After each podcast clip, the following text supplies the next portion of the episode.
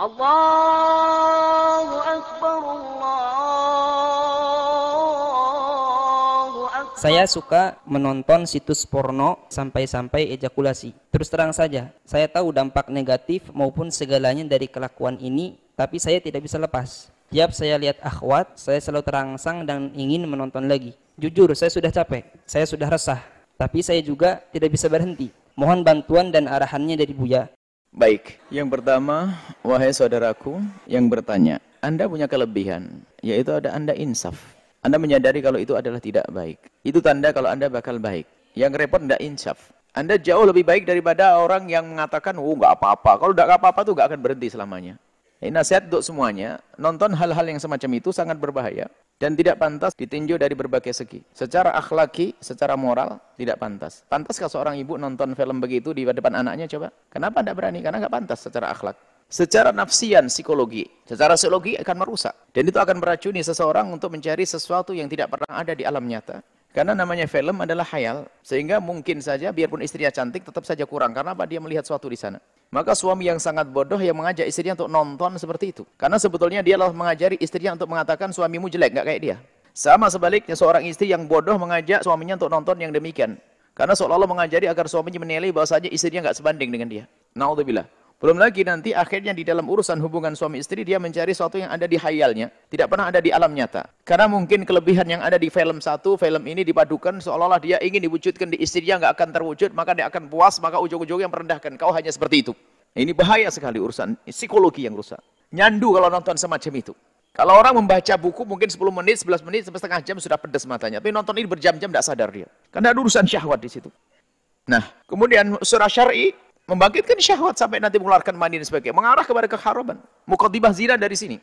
Anda beruntung masih Anda sadar. Makanya bahaya sekali fatwa picisan dari ustadz-ustadz gadungan itu. Yang mengatakan nggak apa-apa kalau suami istri. Eh jangan dianggap nggak apa-apa. Merusak suami istri. Sehingga ada seorang suami bangkit sahabat bukan karena istrinya. Na'udzubillah. Tapi kalau orang yaghuddu kulil mu'minina yaghuddu bin absarim. Kalau Anda seorang pria yang biasa menutup mata, Anda menjaga mata dari yang haram. Dengan yang halal akan terus semangat. Tapi karena mata ini biasa dengan yang haram, maka yang halal menjadi tidak semangat. Lihat, ini problemnya sampai di rumah tangga. Kalau semakin Anda menjaga, menjaga, menjaga, akan semakin indah di rumah tangga. Semakin menjaga. Tapi kalau diumbar syahwat dengan yang haram, dengan yang halal pun sudah tidak nyaman lagi. Sehingga ada seorang laki-laki menemui istrinya hanya karena sebagai seorang istri, bukan untuk hubungan seks. Hubungan seks dengan di luar, na'udzubillah, kehinaan. Dan sebaliknya seorang wanita pun juga demikian karena tidak menemukan kepuasan dengan suaminya. Baik, bagi Anda yang bertanya, ada solusinya. Anda harus punya yang halal. Karena di saat Anda harus berpuasa misalnya, harus melakukan sholat dan sebagainya. Karena bisikan setan untuk membangkitkan syahwat pengalaman-pengalaman Anda yang panjang dalam kehinaan ini, kadang tumbuh. Anda teringat-teringat terus, lalu bangkit lagi syahwat. Anda ikuti pikiran-pikiran Anda, bangkitlah syahwat. Sementara Anda belum punya pelampiasan yang halal, maka satu-satunya jalan kelihatan Anda adalah orang yang sudah wajib menikah. Karena Anda bisa menahan syahwat. Ada orang sebagian merasa lebih praktis dengan istilah naudzubillah menyenangkan dirinya sendiri onani dan sebagainya. Sementara ada jalan namanya halal pernikahan. Anda menikah. Kemudian masalah urusan ibadah, Anda jangan takut tidak diterima urusan ibadah. Artinya lakukan saja, nanti sambil minta semoga Allah menerima. Sebab semakin banyak Anda melakukan ibadah juga semakin menyejukkan hati Anda. Dan kemudian jauhilah kemaksiatan, jauhilah syahwat. Anda melakukan sholat, baca Al-Quran sebanyak mungkin maka hati Anda akan sejuk.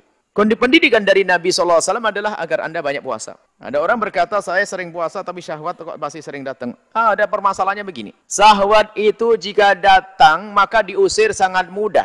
Anda melakukan wudhu, Anda alihkan sudah hilang. Tapi yang repot adalah jika syahwat itu Anda yang mengundang dengan mengintip gambar-gambar porno. Gimana akan Anda usir wong Anda mengundang sendiri kok? Ini beda. Kalau syahwat datang, oh. Anda ambil wudhu bebas. Tapi kalau Anda yang mengundang dengan menyimpan foto gimana Anda mengundang kok mengusir?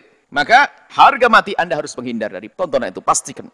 Kalau tidak Anda terus akan terjerat. Bahkan suatu ketika kalau menikah Anda tidak akan menemukan kepuasan. Karena merasa praktis dengan cara-cara semacam itu. Anda telah memenuhi otak dan hayalan Anda digambar di situs-situs tersebut yang itu adalah hayal semuanya. Anda tidak akan menemukan orang yang Anda puas dengan dia. Akhirnya apa? Anda terjerat lagi dalam kehinaan. Sehingga naudzubillah menjadi pezina, pergi ke sana, pengen nyoba mungkin wanita ini beda, mungkin wanita ini beda. Ah, itu semua karena apa? Menuruti hawa nafsu. Insya Allah setelah mendengar suara ini, Anda akan berusaha dan insya Allah dapat jodoh yang salehah sehingga bisa mencukupi hajat Anda, indah dan semuanya. Mari kita jaga mata kita, jaga syahwat kita, jaga pikiran kita, sehingga dengan yang halal kita semakin indah. Wallahu a'lam